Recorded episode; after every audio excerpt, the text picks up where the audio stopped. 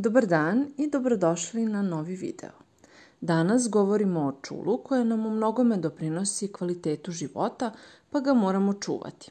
Pored toga što su ogledalo duše, naše oči su senzorni aparat koji nam pruža sliku spoljašnjeg sveta i kontakt sa njim.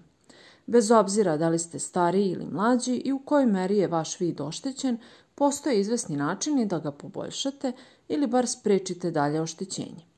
A koje su to metode, saznaćete u nastavku ovog videa.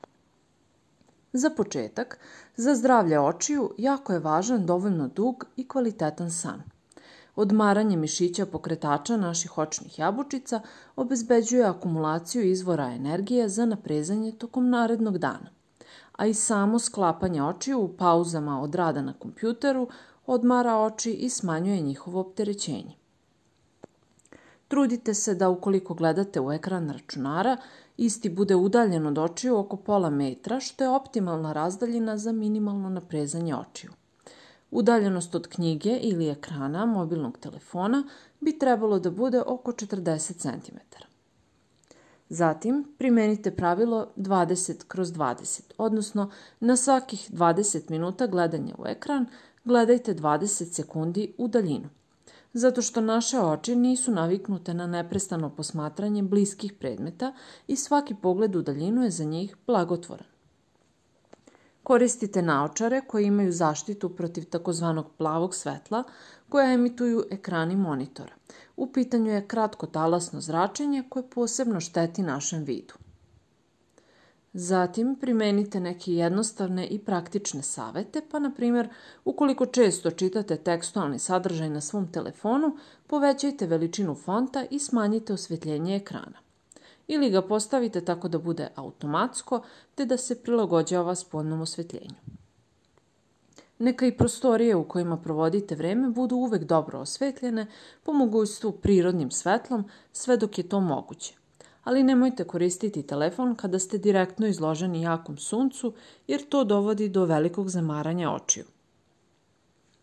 Potom treba upotrebljavati veštačke suze, pogotovo ako provodite vreme u prostorijama sa suvim vazduhom ili uključenim klima uređajem ili ako ste duže vreme ispred ekrana.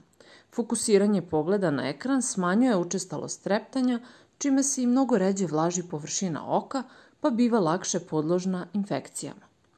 Čak je poželjno da svesno sami sebe podsjećate da češće trepnete kako biste osvežili površinu očne jabučice. I na kraju, konzumirajte hranu koja poboljšava vid.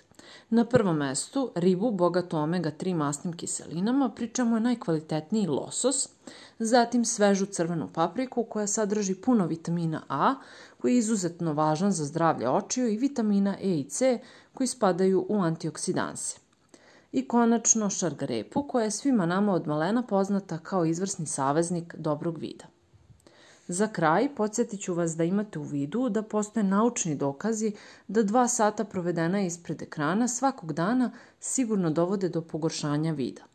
Da su svaka fizička aktivnost i vreme provedeno u prirodi na dnevnom svetlu korisni i za zdravlje naših očiju a da su zadimljene prostorije podjednako štetne za površinu oka kao i čitanje sa male distance i gledanje u ekran.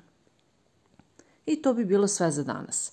Ako vam se video dopao, kliknite like, a ako me ne pratite, a želite i u buduće da slušate o temama o zdravlju, kliknite prati i zvonce. Hvala vam na pažnji i pišite mi u komentarima šta sve vi radite da očuvate zdravlje svog vida. Vidimo se uskoro. Pozdrav!